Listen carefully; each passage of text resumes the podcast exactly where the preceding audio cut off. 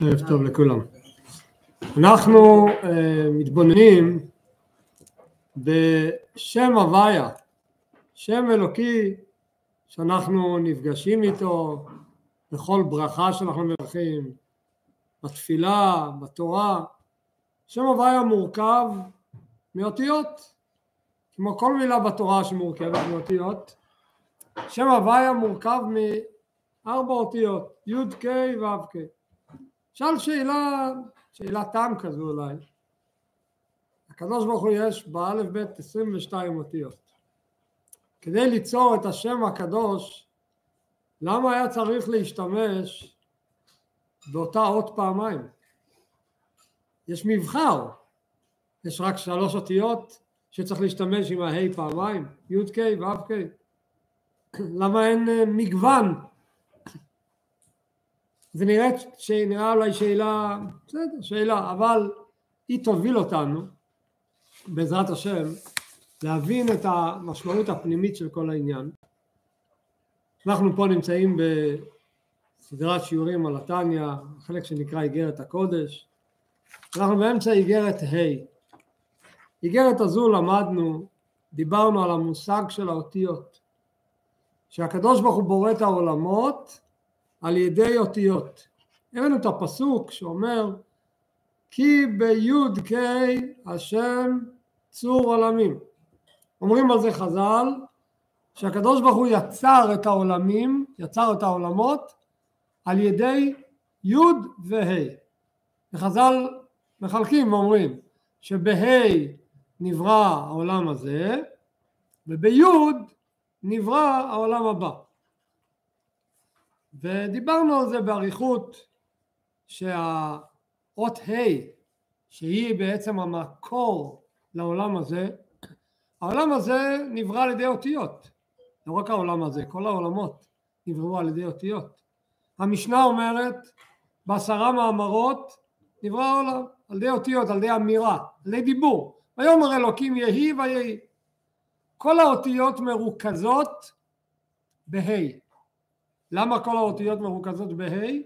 מכיוון שכמו אצל האדם בגשמיות, כשאדם מדבר אז כל האותיות שהוא מוציא מהפה הן יוצאות מה' מוצאות, חמש מוצאות. יש אותיות הגרוניות, אותיות השיניים והשפתיים והחיך כן, והלשון. יש את החמש מוצאות ומהם יוצא האותיות.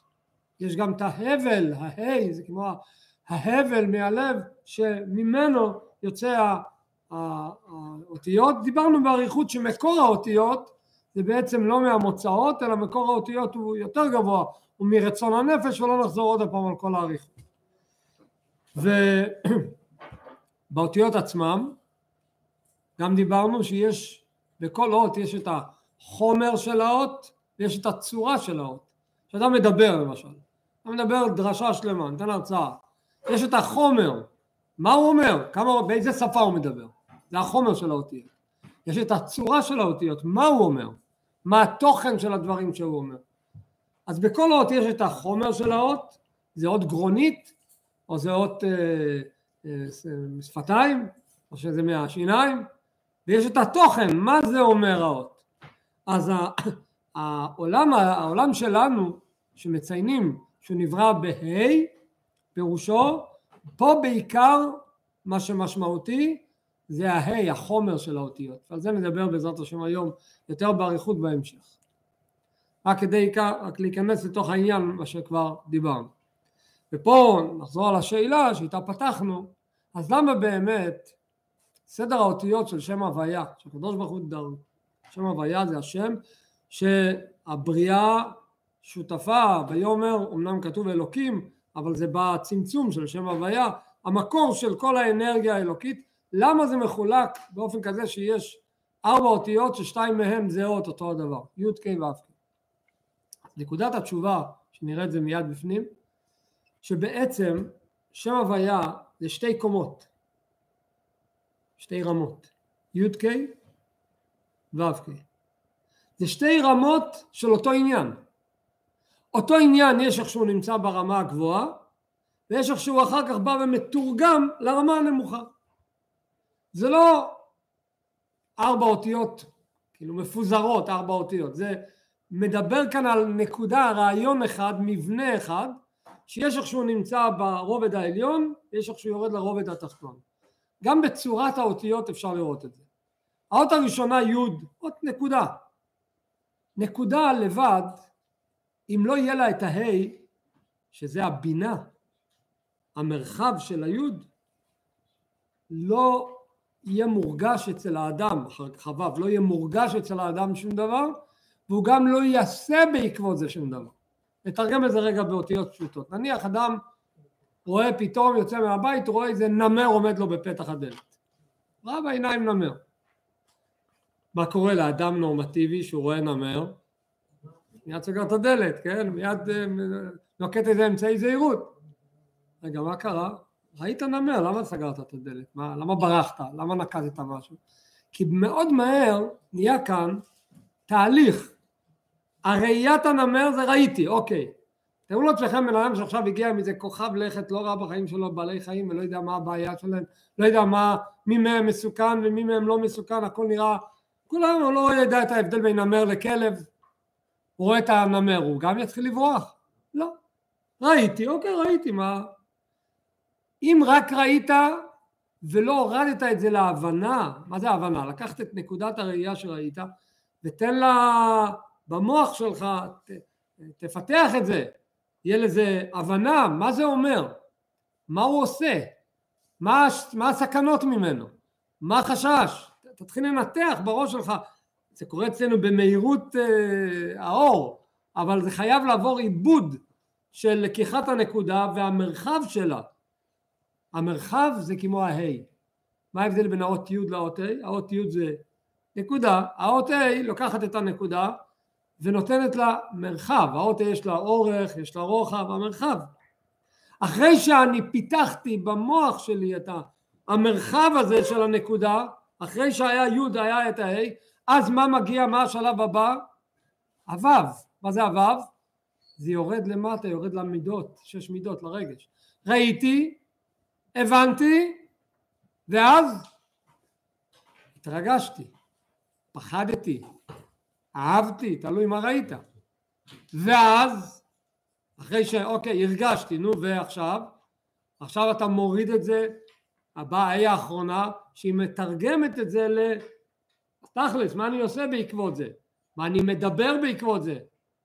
זאת אומרת שבסופו של דבר ההתנהגות שלך בסוף הדרך, מאיפה היא באה? כתוצאה ממה? מה גרם לה? הנקודה הראשונה, היוד. רק כדי שהיוד תגיע להי האחרונה, היא עוברת תהליך. קודם כל, היוד, הראייה, החוכמה, עוברת את הפענוח והמרחב שלה בקומה העליונה, בראש. אחר כך, כשזה ירד למטה, ללב, יבוא הפענוח שיתבטא בדיבור או במעשה. יוצא ששני החלקים של שם הוויה זה בעצם שתי קומות של אותו רעיון, התרגום של אותו תהליך, רואים את זה גם בצורה טכנית של האותיות, האות י' והאות ו' הם מאוד דומים, האות ה' והאות ה' הם בדיוק אותו הדבר, זאת אומרת שמה שקורה בי' זה מה שקורה בו', מה שקורה באי הראשונה זה מה שקורה באי האחרונה, אפשר לראות את זה בהקשר לפרשת השבוע בהשגחה פרטית, אנחנו השבת נקרא את פרשת ויצא.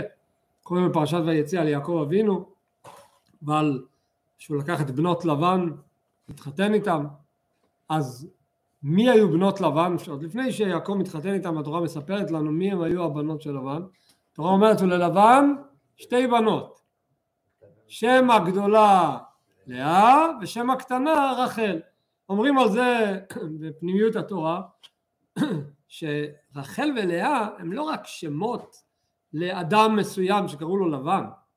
רחל ולאה הם מבחינה פנימית רוחנית אלוקית הם דרגות אלוקיות מאוד עמוקות. זה נקרא עולם הדיבור עולם המחשבה. מי שמכיר בסידורים את המושג שנקרא תיקון חצות יכול לראות שם תיקון רחל תיקון לאה זה כנגד שתי ההיים שעליהם אנחנו מדברים וזה מה שמרומז בפסוק שאומר ושם הגדולה לאה ושם ה' גדולה לאה ושם ה' קטנה רחל ההיא הגדולה וההיא הקטנה הם שתיהן בנות של לבן זאת אומרת זה שתי רמות שתי דרגות בביטוי ברעיון עצמו זה בעצם נקודת התשובה על מה ששאלנו. למה בשם הוויה ארבע אותיות בסך הכל? למה פעמיים אותו אות? למה הכפל הזה? זה בעצם כי שם הוויה אומר נקודה אחת, הוא בא לתת בשורה אחת, והבשורה הזו באה לידי ביטוי בשתי הרמות. לכן היה כתוב לעתיד לבוא, שתהיה הגאולה ויהיה גילוי אלוקות מוחלט עד למטה, בלי מעברים לתרגם את זה בעולם ירוד, הכל יהיה בגילוי הכי מוחלט, אז איך הפסוק אומר ביום ההוא יהיה, מה זה יהיה? י"ק י"ק, היינו הדרגה של הי"ק העליון יהיה גם למטה. כרגע שעוד לא הגענו לרגע הזה הנפלא, אז זה מחולק לשתי רמות, אז יש י"ק ויש ו"ק. עכשיו נראה את הרעיון בתניא. בפנים אנחנו בדף אה, קז עמוד ב' עמוד 214 ואדמו"ר הזקן פותח את העניין, הוא לא שואל את השאלה כמו שאנחנו שאלנו אותה למה יש בשם הוויה פעמיים את האות ה', הוא שואל את השאלה בסגנון אחר. אני אגיד לכם מה הסגנון של השאלה שהוא שואל ואז אנחנו נגיע ללמוד את התשובה, היא בעצם אותה תשובה. הוא שואל את השאלה בסגנון מאוד פשוט, הוא אומר ככה אנחנו דיברנו שהעולם הזה, מה דיברנו בשיעור קודם? שהעולם הזה נברא בה' למה בה'? הזכרנו את זה קודם בתחילת השיעור שה' זה מלשון ה' מוצאות הפה ה' זה ההבל היוצא ה' זה הדיבור נכון? בשם הוויה ה' זו הה' שמסמלת את הדיבור היה אחרונה על איזה פסוק אומרים חז"ל שהעולם נברא בה' שהזכרנו את זה גם קודם כי בי"ק השם צור עולמים ועל זה אומרים חז"ל בה' נברא העולם הזה נשאלת פה שאלה מאוד פשוטה. חז"ל מדברים על איזה ה' י"ק השם צור עולמים אז הם מדברים על הה' הראשונה. אנחנו שאנחנו מסבירים את הה' שקשור לעולם הזה לדיבור על איזה ה' אנחנו מדברים היה אחרונה אז לכאורה יש כאן סתירה. אז פה בעצם תבוא התשובה שזה אותו רעיון. אותו רעיון חז"ל דיברו על ההי הראשונה זה בעצם בא לידי ביטוי אחר כך בהי האחרונה. אותו דבר אם לא היה הפענוח והמרחב שההי לקח את נקודת היוד והרחיב אותה לא יבוא אחר כך ההי התחתונה. כמו שדיברנו קודם במשל שאדם רואה את האריה. אם לא יפענח במוח מה המשמעות של הבעל חיים שעומד מולו הוא גם לא יביא, הוא לא יתפוס את הרגליים אחר כך וירוץ. זאת אומרת הפענוח במוח זה ההי הראשונה. ותפיסת הרגליים לרוץ זה ההי האחרונה אז ברור שההי האחרונה זה, זה פשוט העתקה של ההי העליונה רק ההי העליונה זה במוח וההי התחתונה זה בביצוע. זה בעצם אז חז"ל דיברו על אותו דבר כמו שאנחנו מדברים זה אותו רעיון. עכשיו נראה את הלשון בתוך אותיות התניא, אותיות מהירות, זאת אומרת ככה, עמוד 214 בחלק השלישי, שליש התחתון, והנה, הגם שיהיה איתתה, היא אחרונה שבשם הוויה, למרות שכשאנחנו מדברים על הדיבור האלוקי ואנחנו מסבירים את המשמעות של דיבור ואותיות, אז הדיבור האלוקי בסדר האותיות של שם הוויה, על איזה ה' מדובר הרי האחרונה, ה' תחתונה, ה' הסופית, כמו שאנחנו מסדרים את, ה, את אה, שם הוויה בספירות, אנחנו יודעים שהיוד זה כנגד חוכמה, הה' הראשונה זה בינה, הו' זה שש מידות, והה' האחרונה זה הספירה העשירית זה מלכות, ומה כתוב בפתח אליהו על מלכות? מלכות פה, זאת אומרת דיבור קשור לה' האחרונה, אז הוא שואל, הגם שהיא הייתה טעה, עכשיו אנחנו מדברים על דיבור. אומרים שדיבור זה ה' זה היה האחרונה שבשם הוויה. ורז"ל דרשו זה שחז"ל אמרו, אמרו בה' נברא העולם הזה על איזה ה' חז"ל דיברו? על פסוק כי בי"ק חז"ל הרי לקחו את הפסוק שאומר כי בי"ק השם צור עולמי. ועל זה הם אמרו בה' נברא העולם הזה. הה' שמוזכר בפסוק על איזה ה' מדובר שם? היה ראשונה אז לכאורה איך זה מסתדר? אז הוא עונה שהיה עליונה והיה תחתונה זה אותו רעיון. היינו לפי שמקורה וראשיתה לבוא לבחינת גילוי מאלם היוד ההא התחתונה ניקח את זה בדיבור אדם מדבר מה הוא מדבר? יש לו רעיון והוא רוצה להגיד אותו אבל זה לא מדלג מהרעיון לפה. עולה לך רעיון ומיד אתה מדבר. לפני שאתה מדבר, אתה צריך לעבד את זה עם עצמך, מה הרעיון, איזה אותיות אתה רוצה להלביש את זה, איך אתה בעצמך מבין את זה, איזה דוגמאות אתה נותן לעצמך להבנת העניין, קודם כל אצלך שיהיה מרחב מהרעיון, ואז תוכל בסופו של תהליך לפתוח את הפה ולהעביר את הרעיון למישהו אחר. וזה לא מדלג ישר מהרעיון לעיר התחתונה, זה מה שאומר באותיות התניא, שמקורה וראשיתה לבוא לבחינת גילוי מהלם היוד. הדיבור שבא מהיוד, מהנקודה, איך זה עובר? הוא מושפע ונמשך מבחינת ה' להא, חייב להיות שהה' העליונה יהיה פה בדרך, חייב להיות הפענוח, המרחב של הה' הראשונה, הבינה, ואז יוכל אחר כך לבוא הדבר לדיבור. אין מצב לדלג על הה' העליונה. מהנקודה לבד, אדם נופל לו הברקה בראש, לא פעם קורה, נפל לך איזה רעיון, ותוך שנייה מה קרה? נעלם כלא היה, ברח לי. למה ברח לך? כי לא הצלחת להוריד את זה מהיוד לה' במוח שלך. אם היית מצליח להוריד את זה לבינה, למוח שלך, למרחב של המוח, יש סיכוי שהיית גם יכול לשתף מישהו אחר אחר כך ולדבר ולספר לו. יש סיכוי שהיית מתרגש מהעוצמה של הרעיון שנפל לך בראש. אבל אם זה ברח לך וזה נשאר רק בנקודה וזה לא ירד, לה, זה ברור שזה לא ירד לדיבור. זה מה שהוא אומר. מושפע ונמשך מבחינת הילה שיש לה, מה יש לה הילה? בדיוק מה שיש לה היא התחתונה. יש לה התפשטות אורך ורוחב. האות יש לה אורך ורוחב. מה התוכן של האורך והרוחב שיש לאות ה'? להורות, מה זה מסמל? האורך, כל אות, הצורה החיצונית של האות אומרת את התוכן של האות. למה אות י' היא קטנה? האות י' היא קטנה כי כל הרעיון, הנקודה היא, היא, היא, היא, היא בקושי י'. היא נקודה כל כך קטנה שהדרך היחידה לצייר את זה באותיות זה האות י', זה האות הכי קטנה. ההי יש לה אורך ורוחב, למה יש לה אורך ורוחב? כי זה תפקידה, מה תפקיד הבינה? לקחת את הנקודה, לתת לו אורך ורוחב, ולתת לו הבנה והשגה ודוגמאות ומשלים, לכן הוא גם מצויר בציור כזה שיש לו אורך ורוחב. להורות על בחינת בינה שהוא התפשטות השכל הנעלם מבחינת גילוי והשגה. לקחתי את השכל הנעלם, השכל הנעלם זאת אומרת לקחתי את הנקודה כשהיא באופן שנקודה היא באופן שנעלם, לקחתי אותה והרחבתי אותה ונתתי לה את כל היכולת להתפשט בהרחבת הדעת, אחרי שיש לי את ההי, עכשיו אפשר לרדת ללב, עכשיו אפשר להתרגש, אפשר להתחבר, למה? כי יש לי כבר בשר, ממה אני מוריד את זה למטה, אם זה היה נשאר בנקודה אז לא היה נשאר מזה שום דבר, לכן השפעתה מסתיימת בלב, ההשפעה של היוד יורדת, היא לא נתקעת בבינה, היא יורדת למטה בלב, כמו שכתוב בתיקונים, מה כתוב בתיקוני הזוהר? בינה, מה כתוב? ליבה. מה זה בינה ליבה? בינה זה בינה זה שכל, ליבה זה לב. איך זה הולך יחד? לפי ההבנה הפנימית זה הפירוש. הבינה כשהיא נמצאת במרחב שלה היא יכולה להיות מתורגמת ללב, היא יכולה לרדת למטה, זה התכלית שלה שהיא תרד והיא תשפיע למטה, הוא בא הלב מבין כמו שנאמר, מה פירוש הלב מבין? הלב יכול להרגיש את המרחב שהבינה נתנה לו. אחרי זה יכול לבוא ההיא האחרונה, מה זה ההיא האחרונה? עכשיו אתה יכול לדבר על זה, אחרי שהלב מבין אתה יכול להוציא הבל הלב ולדבר דרשה שלמה ולהסביר מה שהבנת. אז ההיא התחתונה היא לא שונה מההיא העליונה.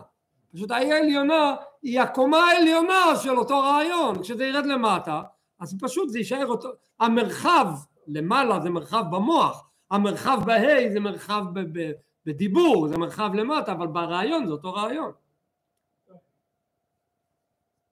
הוא אומר, ומשם יוצא ההבל, מקור גילוי גוף האותיות הדיבור, המתגלות באי מוצאות, מאלם היוד.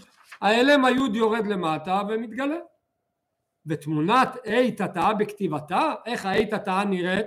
איך כותבים אי תתאה? בדיוק כמו שכותבים אי לה. יש לה גם כן אורך ורוחב, אותו רעיון. גם כן בהתפשטות אורך ורוחב. מה זה אומר בבריאת העולמות? הקדוש ברוך הוא בורא את העולם על ידי דיבור. אז הדיבור האלוקי יש לו רוחב, יש לו אורך, יש לו ריבוי עולמות שהוא בורא. ריבוי עולמות ברוחב, ריבוי עולמות באורך, ירידה וצמצום, ובכל עולם ועולם ריבוי היכלות וריבוי מלאכים, כל המרחב העצום של הבריאה זה מתבטא באות ה'. מה זה? זה היוד. איך שהוא ירד לה' הראשונה, ירד לו', וירד לה' התחתונה, זה אותו רעיון. אז ממילא מה שאלנו קודם, למה חז"ל הסבירו את זה על בי"ק, ואנחנו מדברים על ה' הדיבור? אין סתירה, היינו הך. שאלה פשוט, חז"ל דיברו על הדבר כפי שהוא נמצא במקורו, ואנחנו מדברים איך שהדבר יורד בפועל לבריאה. מורה על התפשטות מבחינת מלכותו יתברך, מלכות כל עולמים למעלה ולמטה ולדלת סיטרין, המלכות האלוקית שמתפשטת למעלה ולמטה ולארבע רוחות העולם כמו שמכוונים בעת אמירת השם אחד בדלת יש לנו ארבע רוחות העולם ובחטא יש לנו שבעה ריקים בארץ שזה האורך והרוחב זה ההי זה המרחב של הדיבור האלוקי. המתפשטות ונמש... המתפשטות ונמשכות מאותיות דבר השם. כמו שכתוב בקהלת באשר דבר מלך שלטון. המלך שולט על ידי שהוא מדבר אם המלך יהיה אילם הוא לא יוכל לדבר הוא לא יוכל לגזור גזירות הוא לא יכול להנהיג את המדינה שלו לכן הדיבור זה בעצם מלכות פה הדיבור זה המלכות, שומרים על הבורא מלכותך מלכות כל עולמים. פירושו ההתגלות האלוקית שלך שמהווה את העולמות, היא מגלה את המלוכה שלך בכל המרחב. כמו שכתוב במקום אחר. מביא כאן בסוגריים, אנחנו מדברים כאן כל כך הרבה על הדיבור ועל האותיות ועל המוצאות, ומדברים באלוקות, מדברים על דיבור שלנו. איך אפשר לדבר על אלוקות, על הבורא, בכל מיני דימויים שהם בעצם לקוחים מתוך עולם הנפש שלנו, אז הוא מביא גם בסוגריים, ולהבין מעט מזעיר עניין ומהות אותיות הדיבור באלוקות, שאין לו דמות הגוף ולא הנפש חס ושלום, איך בכלל אפשר לדבר על הבורא שאין לו דמות הגוף ולא נפש, ואיך אפשר לדבר עליו במינוחים המוכרים מהעולם שלנו, כבר נתבהר בדרך ארוכה וקצרה, העניין הזה כבר דובר בתניא באריכות בליקוטי המרים חלק ב', חלק שנקרא שער והאמונה, שלמדנו את זה לפני כן בפרק י"א, י"ב, עיין שם, שם הוא מסביר איך אפשר להתייחס ולדבר באלוקות במושגים המוכרים מהעולם שלנו, אבל הרעיון הוא, הרעיון הוא רעיון מאוד ברור. עכשיו אנחנו מתקדמים בשלב חשוב בתהליך המטרה של האיגרת הזאת. נזכיר, מי שלא זוכר מתחילת האיגרת, הדור הזקן פה פתח באמירה שכתוב על דוד המלך שדוד המלך עשה שם. הבאנו שהפסוק אומר שדוד עשה שם, ומפרשים, יש כאלו האומרים שהוא עשה שם, קידוש השם, כולם דיברו, מה, מה דוד המלך עשה? הוא קבר את, ה, את החיילים האויבים, הוא נהג בהם בצורה אנושית וקבר אותם, ולא השאיר אותם ככה בהפקרות. אז כתוב, הפסוק אומר שדוד המלך עשה שם, עשה שם הכוונה היא שהוא עשה בזה קידוש השם לעם ישראל. אבל בזוהר כתוב שמה זה נקרא ודוד עשה השם זה דוד זה לא רק דוד התנ"ך לא מספר לנו סיפור מה דוד עשה זה בא להגיד לכל יהודי אתה, אתה דוד אתה יכול לעשות את השם של הקדוש ברוך הוא. הזוהר אומר מאן עביד שמא קדישא מי עושה את השם של הקדוש ברוך הוא? מאן דיהיב אה, פרוטה למסכני מאן דיהיב צדקה למסכן מי שנותן צדקה למסכנים הוא יוצר את השם של הקדוש ברוך הוא, ככה זוהר אומר, אז הוא שאל מה פרוש, מה, מה זה נקרא אתה יוצר את השם, מה, מה הפשט בדבר, אז התחלנו לדבר באריכות, להבין בכלל מה זה נקרא השם, שם זה אותיות, מה זה אותיות, וככה אנחנו מתגלגלים, האותיות מהם נבראים העולמות, יש את העולמות העליונים שנבראים ביוד, יש את העולם הזה שלנו שנברא בה', בהמשך הביור אנחנו נחזור מה זה נקרא אנחנו יוצרים את השם, אבל פה הגענו לשלב חשוב בתהליך. כשאנחנו אומרים שהבריאה היא ה' ואמרנו שהה' יש לה אורך ורוחב דהיינו הבריאה האלוקית המלוכה האלוקית מלכות כל עולמים הכל זה הדיבור האלוקי. אז לכאורה איזה עולם נברא בה' רק העולם הזה שלנו? מה עם עולם אה, היצירה? ומה עם עולם הבריאה? כולם נבראו בה' לכאורה. כל יש את היוד, עולם האצילות, אבל אחר כך יש את העולמות, כל העולמות, שיש מלאכים והיכלות ונשמות, זה הכל רמות שונות בבריאה. אז למה חז"ל אומרים, בה' נברא העולם הזה, מה אתה יכול להבין שעולם טיפה יותר גבוה מהעולם הזה, הוא כבר לא ב-A, הוא באות אחרת, הרי הכל זה ב-A, למה חז"ל מייחסים את ה-A רק לעולם הזה? על זה הוא בא עכשיו, זה הקטע הבא. וזה קטע חשוב שבסופו של תהליך נבין את המשמעות העצומה שאנחנו יוצרים את השם האלוקי. כאן אנחנו מה שנלמד בקטע הבא להבין את ההבדל הגדול העצום שיש בין העולם הזה שלנו לבין עולם שהוא טיפה יותר גבוה. למרות שכולם נבראו ב-A אבל חז"ל מדייקים לומר העולם הזה נברא ב-A. כדי להגיע לביור אולי נקדים בשאלה נוספת שתתורץ תוך כדי הלימוד הזה אם הקדוש ברוך הוא, זה לא אם, הרי הקדוש ברוך הוא בורא את העולם בכל רגע, בכל שנייה, יוצר כל דבר ודבר כל הזמן, אז שאלה פשוטה, אז למה לא רואים אותו? למה לא מרגישים אותו? הוא כל רגע מייצר את הדבר, למה אדם יכול להיות בעולם 120 שנה ובכלל לא לשמוע שיש, חלילה, הוא לא, לא שמע בכלל שיש בורא לעולם. אדם יכול להיות יהודי שמתפלל ולומד, הוא לא למד חסידות, הוא לא יודע מה הדבר הזה שהקדוש ברוך הוא נמצא ממש ממש, הוא לא נמצא אי שם למעלה, הוא פה איתך לידך. למה צריך ללמוד את זה בספר? למה לא מרגישים את זה? אז על פי זה אנחנו גם יתורץ השאלה הזו, בואו נראה את הלשון. אוקיי, בואו נראה. אך ביאור העניין. כדי להבין את זה הוא אומר בואו נסביר את העניין כך. למה אמרו רז"ל שעולם הזה דווקא נברא בה' שאלת השאלה למה חז"ל ייחסו את הה' דווקא לעולם הזה מה עם עולמות יותר גבוהים גם הם נבראו בה' אז הוא אומר ככה דבר מעניין הנה ידוע לכל חכמי לב הדבר הזה ידוע לכל אדם שיש לו יכולת ללמוד להבין כל אדם שטיפה מתבונן ביצירה האלוקית כי ריבוי העולמות וההיכלות תדע לך תנסה לחשוב, בואו מה שאנחנו כרגע נראה, כתוב שבעשרה מאמרות נברא העולם. המשפט הזה בעשרה מאמרות נברא העולם זה משפט קצר. מה כולל בתוך המילה העולם? כמה נבראים, כמה עולמות, כמה פרטים, כמה ספירות, כמה דרגות? בלי גבול. וכל זה נברא ממה? בעשרה מאמרות. הצירוף של המשפט הזה נראה את הלשון בפנים. כל אדם שהוא חכם לב מבין שכשאומרים עולם, עולמות, מה זה כולל? זה לא כולל עולם. גם אם נדבר על העולם הגשמי שלנו בלבד, אז כמה נבראים יש בעולם הגשמי שלנו? אין סוף. יש דוממים וצמחים ובעלי חיים, בני אדם, וסוגים שונים ואין אחד דומה לשני. כן? טביעת אצבעות אין אצבע דומה לשנייה. יש כאן ריבוי עצום, זה רק בעולם הגשמי שלנו, ועולמות יותר רוחניים, בלי גבול. וכל זה ממה? מעשרה מאמרות. זאת אומרת כך.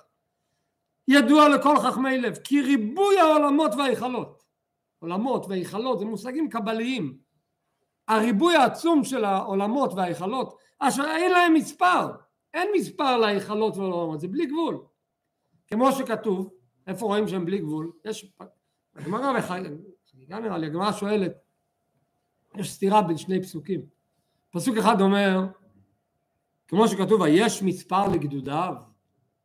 אז מה אנחנו מבינים מזה? שאין גבול. פסוק אחר אומר, מציין מספר אלף אלפים אה, ישמשוני וריבו רבבן קדמו יקומון, ככה הפסוק אומר. זאת אומרת שמציינים מספר, כך וכך מיליונים. אז הגמרא שואלת איך זה מסתדר שתי הדברים הללו? עונה הגמרא לגדודיו אין מספר ובכל גדוד יש כך וכך אלף אלפים וריבו רבבן מדובר בכמות בלתי נתפסת. בכל היכל וגדוד אלף אלפים מריבו רבבן מלאכים. וכן נפש רוח נשמה חיה יחיד המדרגות לאין קץ. בכל עולם והיכלות מריבוי היכלות. בכל עולם, בכל היכל, שזה עצמו אין קץ, בזה עצמו יש בזה חמש סוגים. מבחינת נפש, מבחינת רוח, מבחינת נשמה, מבחינת חיה, מבחינת יחידה. בכל אחד מהם זה גם כלול בחמש. נפש שבנפש ורוח שבנפש. רק נעשה חשבון קטן, זה, אי אפשר לעשות את החשבון הזה בכלל. מריבוי יכולות שבאצילות, בריאה, יצירה, הנה כל ריבועים אלו, כל הריבועים האלה שמדובר במספרים שאין להם מספר, ריבוי אחר ריבוי עד אין קץ ממש. מאיפה כל זה נברא? אומרת המשנה בפרקי אבות במשפט אחד, בעשרה מאמרות. מה זה עשרה מאמרות? כמה אותיות יש באלף בית בסך הכל? 22 אותיות. ב-22 אותיות נבראו הכל. הכל נמשך ונשפע מריבוי צירופי כ"ב אותיות, דבר השם. מ-22 אותיות נמשך כל הריבוי העצום הזה, וכל נברא צריך שיהיה לו בדיוק את האותיות שמייצרים אותו, ואין שתי נבראים עם אותו רצף אותיות. כמו בכימיה יש כל מיני נוסחאות ששמים את החומרים, אם הם עומדים בסדר שונה אז, אז יש תוצאות שונות, למרות שהחומרים הם אותם חומרים. יש האותיות, הצירוף שלהם השונה יוצר תוצאות בהתאם. אז כמה צירופים שונים אפשר כבר לעשות מ-22 אותיות בסך הכל. אז בואו נראה. הכל נמשך ונשפע, הכל נמשך ונשפעה מריבוי צירופי כ"ב אותיות דבר השם, המתחלקות גם כן לצירופים רבים עד אין קץ ותכלית, ממש. מ-22 אותיות אפשר לעשות כמה צירופים? אין קץ. איך זה יכול להיות? אז הוא אומר בואו נעשה, נעשה, לעשות חשבון. אם יש לנו נניח רק שתי אותיות, כמה צירופים אפשר לעשות משתי אותיות? משתי אותיות, רק שתיים. יש לי א' וב', ואני יכול לעשות או המילה אב או המילה בא. סך הכל היה לי שתי אותיות, אז יש שתי צירופים. אם יש לי עכשיו שלוש אותיות, כמה סוגי צירופים אני יכול לעשות משלוש אותיות? שש. לא, עדיין הקפיצה היא לא כזו מסחררת. משתיים, משתי אותיות עשיתי שתיים, אז משלוש אותיות עשיתי שש. אם יש לי ארבע אותיות, כמה צירופים אפשר לעשות? עשרים וארבע. בסדר? עדיין בגדר הסביר, חכו לאט לאט מה קורה. אם יש לנו חמש אותיות, ארבע זה עשרים וארבע צירופים. חמש אותיות כמה צירופים אפשר לעשות? מאה עשרים. מחמש אותיות אפשר לעשות מאה עשרים. משש כמה אפשר לעשות? שבע מאות עשרים. עכשיו נראה את ההמשך. אה, ההמשך מגיע פה ציטוט מספר יצירה, לא צריך לנחש. את הראשונים אנחנו צריכים לנחש לבד, לעשות לבד חשבון. מה קורה במספר שבע? שבע אותיות. זה מביא את הציטוט פה. כמו שכתוב בספר יצירה, ספר יצירה אומר שבעה אבנים, ספר יצירה קורא לאותיות אבנים, כמו מאבנים אפשר לעשות בתים, מאותיות אפשר לעצור צירופים של בתים. שבעה אבנים, כמה אותיות אפשר, כמה צירופים אפשר לעשות? בונות חמשת אלפים וארבעים בתים. זאת אומרת שהיה לי שתיים, עשיתי רק שתיים. סך הכל יש לי שבע. לא מסחרר, משתיים לשבע. משתיים עשיתי שתיים, משבע זה חמשת אלפים וארבעים. מכאן ואילך צבע חשוב מה שאין הפה יכול לדבר. ניתן לכם רגע קפיצה לעשר. כמה צירופים אפשר לעשות מעשר אותיות? אתם יודעים? אה? שלוש מיליון שש מאות עשרים שמונה מאות שמונים מעשר אותיות אז תגיע ל-22 אין לזה מספר כבר אתה יכול להגיד את זה זה מה שאומר אומרת לנו התורה שכל הברואים כולם זה מ-22 אותיות בצירופים השונים אתה מקבל את האנרגיות השונות לכל בריאה ובריאה בעולם. וזה עשרה מאמרות. עשרה מאמרות זה רצף של, ה, של הצירופים בצורה מסוימת. יהי אור יהי רקיע זה כולל את הכל. צירוף שונה של המילים נהיה לך הכל כל בריאה קיבלה כאן את, ה, את הטיפול האישי שלה. והגם שיש במעלות ומדרגות המלאכים ונשמות אפילו אם שהיא תיקח את כל הרמות השונות שיש בסוגי המלאכים, בסוגי הנשמות, כמה וכמה מיני מעלות ומדרגות חלוקות. אם תתחיל לפרט את סוגי המלאכים, סוגי הנשמות וסוגי הדרגות, דרגות שונות, כמה לאין קץ, גבוה על גבוה, הנה הכל, הכל כולל הכל, כל הדרגות מאיפה הם באים? הכל נמשך לפי חילופי הצירופים והתמורות באטבש. אטבש זה רק אחד המסלולים שאפשר לעשות אה, צירופים שונים. האלף זה לא רק צירופים, הם שינויים, א' מתחלף בת' והב' מתחלף בש', יש גם כמה אופנים יש, הזכרנו את זה בשער האיכות והאמונה, אני זוכר כמה? ריש למד, ריש למד א' שערים, 231 אופציות שונות איך לעשות את הצירופים, לפעמים כתוב שיש אה, באלף בית האלבם, כמו שיש אדבש יש אלבם, מה זה אלבם? לוקחים את האותיות מתחלקים לשתיים, אז יש לי עד המם זה חצי ומי המם ובכל הקבוצה הזו האלף מתחלף בלמד, הבית מתחלף במם וכן הלאה וכן הלאה, יש כל מיני אופני צירופים. אז תיקח, תחשוב 22 אותיות וכל הצירופים השונים זה פשוט בלי גבול, אין סוף. אז כל זה, זה עכשיו מחזק לנו את השאלה כל הריבוי העצום של ההיכלות והמלאכים והנשמות מאיפה הם נבראו כולם? מהדיבור, מהאותיות. אז חוזרת השאלה, אז מה נברא בה'? רק העולם הזה? הכל. אז למה חז"ל אומרים בה' נברא העולם הזה? חז"ל היו צריכים להגיד בה' נבראו כל העולמות. יש את העולם הבא גן עדן, י', אוקיי? אבל כל העולמות שמתחת לזה, לא רק העולם הזה, גם עולמות רוחניים שמעלינו, גם הם נבראו בה', אז למה חז"ל מייחסים את זה רק לעולם הזה? פה באה התשובה. אך, תדע לך, דרך כלל, באופן כללי, מה ההבדל בין העולם הזה לעולמות שמעלינו?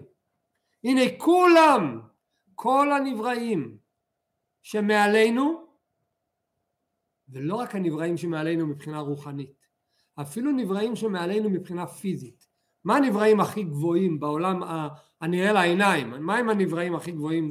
צבא השמיים, שמש וירח. מה זה שמש וירח? זה שתי... או, בדיוק. זה סתם גלמים שמסתובבים להם למעלה. כתוב, הרמב"ם מביא את זה. זה אחת כמה וכמה אלה שמעל. הנה כולם בעלי חוכמה ודעת ויודעים את בורם. כשיהושע אמר לשמש שיעצור בעת שהוא רצה להילחם בגבעון, מה הוא אמר לו? מה זה נקרא דום? הפירוש הפשוט דום, תעצור. אבל משמעות נוספת למילה דום, תשתוק. תשתוק. מה הכוונה תשתוק? השמש, כמו שלמד את זה בליקוטי המרים, השמש כל הזמן מעלינו משבח את הבורא וכל הזמן משתבח לבורא. וזו הסיבה שהשמש הולכת כל הזמן לכיוון מערב. למה? כי כתוב שכינה במערב. אומר יהושע לשמש דום. תעשה הפסקה, עכשיו תעצור רגע, תשתוק. ברגע שהוא ישתוק הוא, ימש... הוא יפסיק להתקדם. זאת אומרת השמש ההתקדמות שלו זה לא ביטוי טכני של איזה מערך אה, מחושב שעובד כמו להבדיל מכשיר שאנחנו יודעים בדיוק איך העסק עובד. זה ביטוי אלוקי עם תבונה ושכל. על אחת כמה וכמה נבראים יותר גבוהים. אך מפני, כולם בעלי חוכמה ודעת ויודעים את בורם. למה? מפני היות חיותם, מאיפה הם מקבלים חיות כל הנבראים? מפנימיות האותיות הנמשכות מבחינת חוכמה הילה, ופה בא סוד התשובה. כמו שכבר הזכרנו את הדוגמה בשיעורים קודמים, נחזור על זה עוד פעם. אדם נכנס להרצאה, ההרצאה היא בעברית, אבל הוא לא מבין עברית, מילה בעברית הוא לא מבין. אז הוא לא מבין כלום, כלום מה שדיברו. אז מה הוא שומע אחרי שעה שלמה שהוא יושב, יצא החוצה ויגיד מה, מה, מה, מה שמעתי? שמעתי מישהו לדבר בעברית. מה הוא אמר? לא יודע. ייכנס מישהו שמבין כל מילה, מתחבר לתוכן הדברים, מבין טוב, יצא החוצה, יספר מה שמע, ישאלו אותו רגע, באיזה שפה הוא דיבר? רגע, לא זוכר מה זה היה, דברית או אנגלית? מה זה היה? לא זוכר. אה, כן, כן, זה היה עברית. לפעמים אני לא יכול לענות באופן ספונטני אפילו איזה שפה זה היה, כי אני כל כך לקחתי את התוכן, ואני בכלל לא שמעתי את השפה. מה זה אומר? שכשאדם מדבר, לשמוע את המילים זה לשמוע את התבניות. לשמוע את התוכן זה לקבל את האור. ככל שאתה מקבל יותר את האור, אתה פחות רואה את התבניות, אתה פחות רואה את האותיות. במילא מובן ההבדל בין העולם שלנו לעולם העליון. כולם נבראו על ידי דיבור אלוקי. אבל העולמות העליונים, מה הם לקחו מהדיבור? את האור, את האלוקות, את התוכן. העולם שלנו הגשמי, מה הוא לקח מהאותיות? את האותיות, את החלק החומרי, את החלק התחתון. אז אנחנו לא רואים את האלוקות. מסתובבים בעולם, רואים עולם, רואים את האותיות שמייצרים, לא רואים את האותיות, אבל אנחנו מושפעים מהאותיות ולא מבינים את התוכן, נמצאים בהרצאה ולא מבינים מילים, שום דבר. לא יודע, מילים, מילים, לא יודע מה, לא, אין לי מושג מה דובר. העולמות העליונים נמצאים באותה הרצאה, איפה העולמות העליונים נמצאים? אנחנו כולנו באותו סיר. אבל הם רואים את התוכן, הם לא רואים בכלל את התבניות, רואים את התוכן, את האלוקות. זה ההבדל. אז חז"ל רוצים להגיד בה' איזה, זה מקור של מה? מקור של תוכן או איזה מקור של חומר, של תבניות? הה' זה המקור של התבניות, של, ה, של הה' מוצאות. אז איזה עולם לוקח את הה'? איזה עולם לוקח את התבנית? העולם התחתון. אז חז"ל אומרים בה' נברא העולם הזה. ברור שכל העולמות נבראו בה', אבל כל העולמות לא לוקחים את הה', הם לוקחים את האור. אנחנו לוקחים את הה', נראה את הלשון בפנים. אך העולם הזה השפל, עם החיות שבתוכו, העולם שלנו, עולם קטן, עולם שפל, החיות שיש לנו קטן מהכי לסבול אור וחיות מבחינת צורת האותיות. העולם שלנו קטן מדי, הוא לא יכול לקבל את הצורה, הוא לא יכול לקבל את האור, הוא לא יכול. אנחנו קטנים מדי. ופנימיותן, לקחת את הפנימיות של האור, לא מסוגלים, אנחנו מוגבלים. אם יאיר לנו טיפה אור, אנחנו פשוט אה, לא נהיה. כדי להיות מוגבלים ומצומצמים, אז אנחנו לוקחים רק את החלק הטכני החיצוני. לא יכולים להעיר ולהשפיע בו בלי לבוש והסתר, אנחנו צריכים את ההסתתרות, את הלבוש, שייתן לנו כיסוי, שלא נבין, לא נכיר. ככל שהנברא יותר נמוך, סוג המדבר עוד מסוגל במאמץ ובלימוד לגלות את ה, קצת את, ה, את הקל מסתתר. רק כשמדובר בנברא יותר נמוך אז גם לא יעזור לו מאמץ, הוא לא שייך לזה בכלל. להעיר ולהשפיע בו, אנחנו לא יכולים בלי לבוש והסתר, כמו שמאירות ומשפיעות לנשמות ומלאכים. הנשמות והמלאכים מקבלים בלי הסתר, מקבלים את האור, אנחנו לא יכולים. רק איך אנחנו מקבלים את האנרגיה האלוקית הזו? ההערה והשפעה בא ונשפע לעולם הזה מבחינת חומר וגוף האותיות וחיצוניותם אנחנו מקבלים מהכוח האלוקי רק את החומר של האותיות, החיצוניות של העולמות, שהוא מבחינת ההבל, ההבל זה כמו בדיבור, מאיפה יוצאים האותיות, החומר של האותיות, מאיפה יוצא מההבל של הלב, וזה מה שאומר, מה שאומר שלמה המלך על העולם הזה, הבל, מה מתכוון הבל?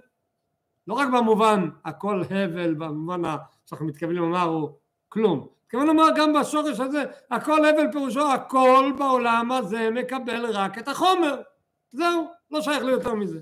במילא הוא הבל, כי, כי אתה לא לוקח את הנקודה. שהוא מבחינת ההבל המתחלק לזין ההבלים שבקהלת, שעליהם העולם עומד. העולם שלנו על מה הוא עומד? על החומר, על ההבל, על האותיות. אחרת זה לא היה עולם מלשון נעלם. כמו שכתוב בזוהר הקדוש. והוא מוצא פי השם המתלבש בעולם הזה בכל צבאם. המוצא פי השם שמתלבש בבריאה להוות כל נברא, לתת לכל אחד את החיות שלו, את המהות שלו, להחיותם. אז האנרגיה היא נכנסת דרך אותיות. זה גם אחד ההסברים, דיברנו הרבה פעמים על שהקדוש ברוך הוא רצה להראות לד... למלאכים את חוכמת אדם הראשון, אז איך הוא הראה להם את חוכמת אדם הראשון? בכך ש... היה להם ויכוח, הם אמרו בורא עולם מה, מה האדם הזה, מה, מה האנוש כתזכרנו, מה צריך את האדם הזה? אמר להם הקדוש ברוך הוא יותר חכם ממכם אז הם לא יכלו לקבל, מה יותר חכם מאיתנו? מלאכים, והוא אדם אה, מטיפה סרוחה, אמנם האדם הראשון הוא יצירה אלוקית, אבל בכלל האדם הוא כזה נמוך, איך הוא יותר גבוה מאיתנו? אמר להם הקדוש ברוך הוא נעשה מבחן, מבחן ונראה. מה היה המבחן? המבחן היה על בעלי חיים. לקח אותם ללונה פארק, לספארי, כן. לקח אותם לספארי, גם בלונה פארק זה יהיה בסוף אותו דבר, כן? לקח אותם לספארי ואמר להם, אתם רואים פה את הבעלי חיים, איך קוראים להם? אין שלטים על הכלובים, איך קוראים להם? הסתכלו ולא ידעו להבדיל בין אריה לנמר לדוב וכולי. אמר להם, אוקיי, ציון נכשל. קרא לאדם הראשון, הכניס אותו לאותו מקום, האדם הראשון אומר זה שור, זה חמור, זה פרה, זה כלב. הנה אתם רואים יותר חכמים מכם. אז מבואר בחסידות, מהי חוכמתו של האדם הראשון? איך הוא ידע שזה חמור וזה שור? מי גילה לו? למה לא מישהו איזה מלאך שלחש לו באוזן? כי האדם הראשון מסתכל על החמור, הוא לא רואה את החמור. הוא רואה את החיות האלוקית שמהווה את החמור. והחיות האלוקית שמהווה את החמור זורמת דרך אותיות. דרך איזה אותיות? ח' מ' ו' ר', בטירוף הזה דווקא. אז הוא אומר זה חמור. כשאמר חמור הוא אומר זה ח' מ' ו' ר', זה. ההוא זה שור זה ש' ו' ר', וכן הלאה וכן הלאה. זאת אומרת אדם הראשון הסתכל לא כמו המלאכים, כשהמלאכים הסתכלו על העולם מה הם ראו? חומר, הבל. אתה רואה חומר אתה לא רואה הבדל בין החומר הזה לחומר הזה. אדם הראשון שהסתכל על העולם מה הוא ראה? את הצורה, הוא ראה את האור שמאיר בפנים. אבל זה היה האדם הראשון. אבל כל אדם רגיל כמונו בעולם הזה מה הוא רואה? פחות מהמלאכים, אנחנו, אנחנו חלק מהחומר. כן? הם היו מחוץ לעניין וראו את החומר, אנחנו החומר בעצמו, ההבל בעצמו. זה מוצא פי השם המתלבש בעולם הזה וכל צבאם להחיותם ובתוכו מלובש, מלובשת בחינת צורת אותיות הדיבור והמחשבה ומידותיו הקדושות ורצונו וחוכמתו וכו'. אמנם כתוב כאן ממידותיו, יש ממש לאחרונה, ממש בחודש האחרון, התגלה איזה ספר טניה עם אה, בדיוק הפרקים, הפרק הזה שאנחנו לומדים נמצא כנראה הצילום היחיד, עם תיקונים בכתב ידו של הרבי על כמה וכמה מילים פה אה, בתניא, ואחד התיקונים זה למשל אה, מלובש מבחינת צורת אותיות הדיבור והמחשבה, מה כתוב אצלנו המילה הבאה? ממידותיו הקדושות. בתניא המתוקן כתוב אותיות הדיבור והמחשבה ומידותיו הקדושות ורצונו וחוכמתו וכולי. המיוחדות, גם פה הרבי שינה, המיוחדות בתכלית הייחוד בין סוף ברוך הוא. זאת אומרת המידות האלוקיות, הרצון האלוקי, החוכמה האלוקית, היא נמצאת בתוך האותיות, היא זורמת בפנים, אבל מה אנחנו רואים? רק את החומר.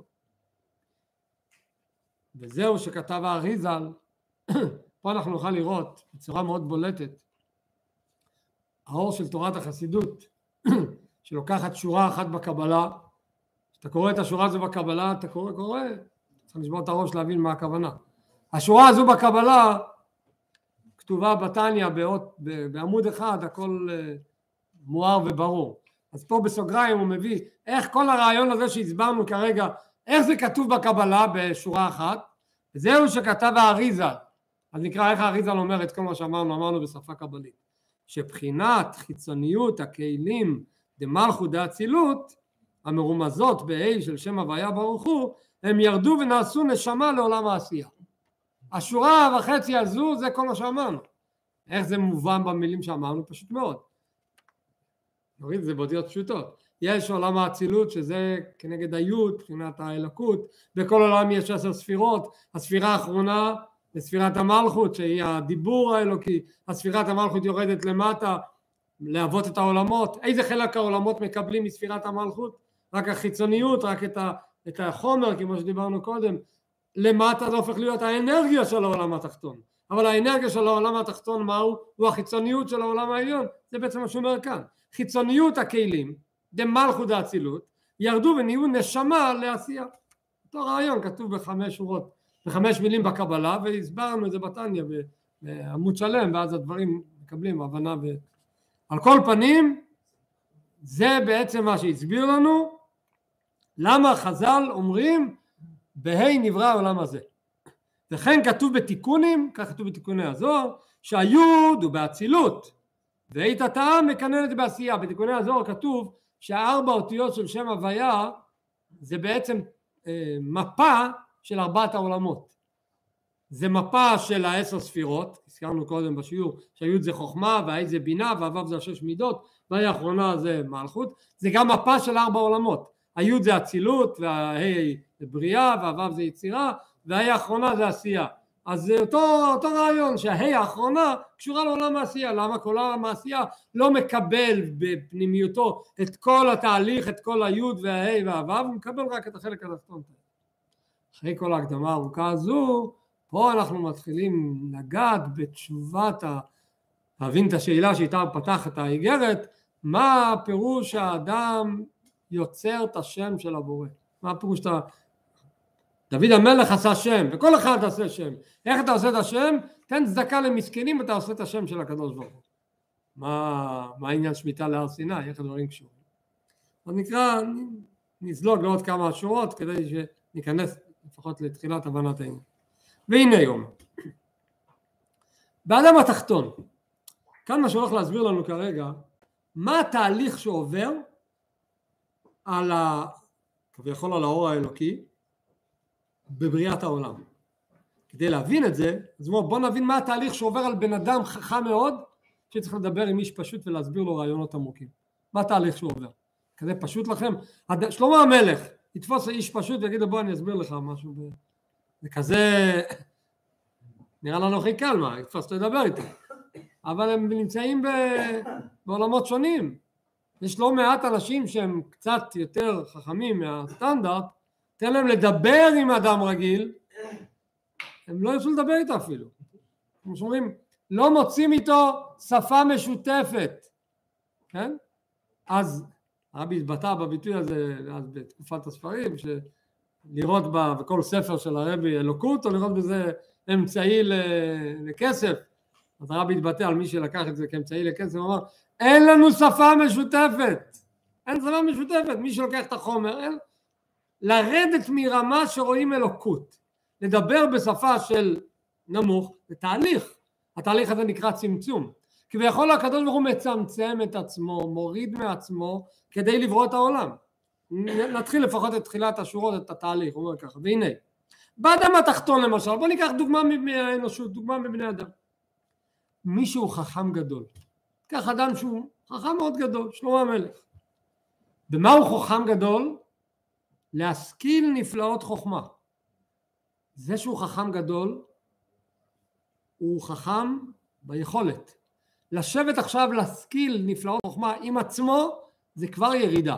הוא צריך לרכז את עצמו לעניין מסוים. הריכוז הזה זה סוג של צמצום. הוא מצמצם שכלו ומחשבתו באות אחד מדיבורו. אחר כך הוא עובר עוד צמצום, לחשוב איך אני לוקח את הרעיון הזה שעליו התרכזתי, איך אני מדבר, איך אני מעביר אותו הלאה, עם איזה מילים, ואז אתה צריך בפועל לדבר. התהליך שעובר החכם הגדול עד שהוא מגיע לפתוח את הפה ולדבר לאדם הפשוט ולהסביר לו את הרעיון שעלה לו בראש, אתם יודעים כמה צמצומים הוא היה צריך לעבור כאן עם עצמו, לפעמים זה פשוט מלחמה עם עצמו, לשים את עצמו הצידה, לוותר על הרצונות של עצמו בשביל לתת את עצמו למישהו אחר. הנה זהו צמצום עצום וירידה גדולה לחוכמתו הנפלאה. החכם הגדול שהוא הולך לדבר עם איש פשוט זה פשוט צמצום עצום, ירידה גדולה. למה אנחנו מדברים על החכם הגדול? זה בעצם משל. מי הוא בנמשל? קדוש ברוך הוא. ככה ממש על דרך משל. ויותר מזה לאין קץ. ככה ממש והרבה יותר. אין לנו משל מדויק. אבל המשל הזה הוא רק משל קטן. היה צמצום גדול ועצום ורב כאשר בדבר השם שמיים נעשו בששת ימי בראשית. שהקדוש ברוך הוא החליט לברוא עולם, לצמצם את האור האינסופי שלו ל-22 אותיות בצירופים שונים של יהי אור, יהי רקיע, תדשי הארץ דשא וכדומה, צמצום עצום. מה פתאום שהוא יתעסק עם, ה... עם העולם? מה פתאום שהוא יצמצם את האור האינסופי שלו לנבראים מוגבלים? למה הוא עשה את זה? מי הכריח אותו לעשות את זה? מאיזה סיבה הוא עשה את זה? צמצום עצום. וברוח פיו כל צבאם הוא אות A של שם הוויה ברוך הוא. הוריד הקדוש ברוך הוא את האור האינסופי הוריד את זה לרוח פיו. מה זה רוח פיו? זה האות A כי הרי האות A זה הרוח ההבל שיוצא. התקלילה כמו שכתוב בהקדמות של חג השבועות התקלילה דלית במשאשה כמו שכתוב איך כתוב בתחילת התורה בספר בראשית פרשת בראשית? בהיברם. מה זה בהיברם? בהיברם ההי הזה זה המקור של הבריאה. הוא מביא כאן שחז"ל אומרים בעשרה מאמרות נברא העולם. מה עם העשרה מאמרות? באופן טבעי מה נענה? כתוב, איפה כתוב, שבא, איפה כתוב בתורה הביטוי מאמרות? איפה כתוב, מה כתוב בבראשית? ויאמר, ויאמר, נכון? בואו נפתח חומש, נתחיל לספור כמה ויאמר יש שם. ויאמר אלוקים יהיה איוב, ויאמר אלוקים יהיה רקיע, ויאמר אלוקים תציע ארץ דשא, ויאמר אלוקים יהיה מאורות ברכי השמיים, כן, בעלי חיים. כמה ויאמר יש? תשע. תשע. אין עשר ויאמר. אז מה חזון אומרים בעשרה מאמרות? את השאלה הזו שואלים מהגמרא. הם ספרו, אנחנו לא סופרים. אומרים לנו עשרה מאמרות, אנחנו מאמינים. אבל הם ספרו, רגע, איך זה מסתדר? אז מה התשובה? יש מאמר אחד כולל, שלא כתוב שם את המילה ויאמר, אבל הוא כולל את כל הויאמרים. וזו המילה הראשונה בראשית. בראשית ברא אלוקים את השמיים ואת הארץ, זה המאמר הכולל. אחר כך זה ירד לתשע מאמרות שיוריד את זה לפרטים. אז ההי בהי ברעם זה ההבל, זה הבראשית. וממנו יצא 22 אותיות לכל המאמרות האחרים. זה מה שהוא אומר כאן. הוא מקור התת מאמרות שנמשכו ממאמר ראשון דבראשית נמי מאמרו, גם פה יש תיקון. לא דנמי, דבר, הדלת עובר למילה הקודמת. דבראשית נמי מאמרו. גם הבראשית הוא מאמר. מה זה הבראשית שזה המאמר הראשון? היא בחינת חוכמה נקראת ראשית, כתוב בתרגום על המילה בראשית, יש תרגום מונקלוס, יש תרגום אה, יונתן מנוזיאל, יש תרגום אחד שאומר שבראשית זה בקדמין, בהתחלה, ויש תרגום שאומר שבראשית מה זה? בחוכמתה, בחוכמה, חוכמה זו הספירה הראשונה, זה הנקודה הראשונה, אחר כך באים עוד תשע, עוד תשע, תשע ספירות, עוד תשע מאמרות. אוקיי, מה כל זה שייך אלינו? אז בואו נגיד בעל פה את הנקודה ונמשיך את זה בעזרת השם בשיעור הבא. הקדוש ברוך הוא צמצם את עצמו. מי ביקש ממנו? אף אחד. אז למה הוא עשה את זה? חפץ חסד. הוא חפץ חסד, אז הוא ברא עולם. אבל הקדוש ברוך הוא אומר מכאן ואבא, מכאן ולאבא, אתם רוצים שאני אמשיך לעשות את השם שלי? אתם רוצים שאני אמשיך לצמצם את זה לאותיות? להמשיך להיות עוד פעם י"ק ו"ק? ועוד פעם לאבות? פעם ראשונה עשיתי את זה ביוזמתי, חפץ חסד. אבל מכאן ולאבא, תלוי בכם. תלוי בכם. אם אתם תעשו מה שמוטל עליכם, אז אני אמשיך לעשות מה שאני עשיתי בפעם הראשונה. אם אתם תצמצמו את עצמכם, אני אצמצם את עצמי. נעשה את זה כמו שהפסוק אומר, השם צילך. מה זה השם צילך? אומר הבעל שם טוב, כמו הצל שזז בהתאם לתנועות שלך. אומרת לך התורה, אומר הפסוק, הקדוש ברוך אומר אני הצל שלך, מה שאתה עושה אני עושה, אני אחריך. אז אתם רוצים שאני אצמצם? אומר הקדוש ברוך הוא אתם תצמצמו. מאן דייב צדקה למסכני, אם אתם נותן, צדקה למסכן, זאת אומרת אתה נותן מעצמך, אתה מצמצם את עצמך, אתה עושה את השם הקדוש, אתה גורם שהקדוש ברוך הוא גם כן ימשיך לברוא ולהוות את העולם, זה תלוי בזה. זה הכל הסוד של הנקודה שאיתה התחלנו את האיגרת, זה מה שדוד, ויהי דוד עושה שם, זה לא רק דוד, זה כל יהודי, כל יהודי עושה שם, כל יהודי יכול בכל רגע לעשות שם. וזה התפקיד שלנו לראות איך אנחנו ממשיכים את הבריאה ולהמשיך את ההשפעה הזו בכל רגע ורגע על ידי שאנחנו נמשיך ונעשה חסד, נעשה צדקה, נעזור לאחרים, בזה אנחנו נמשיך את ההוויה של העולם באופן תמידי בעזרת השם.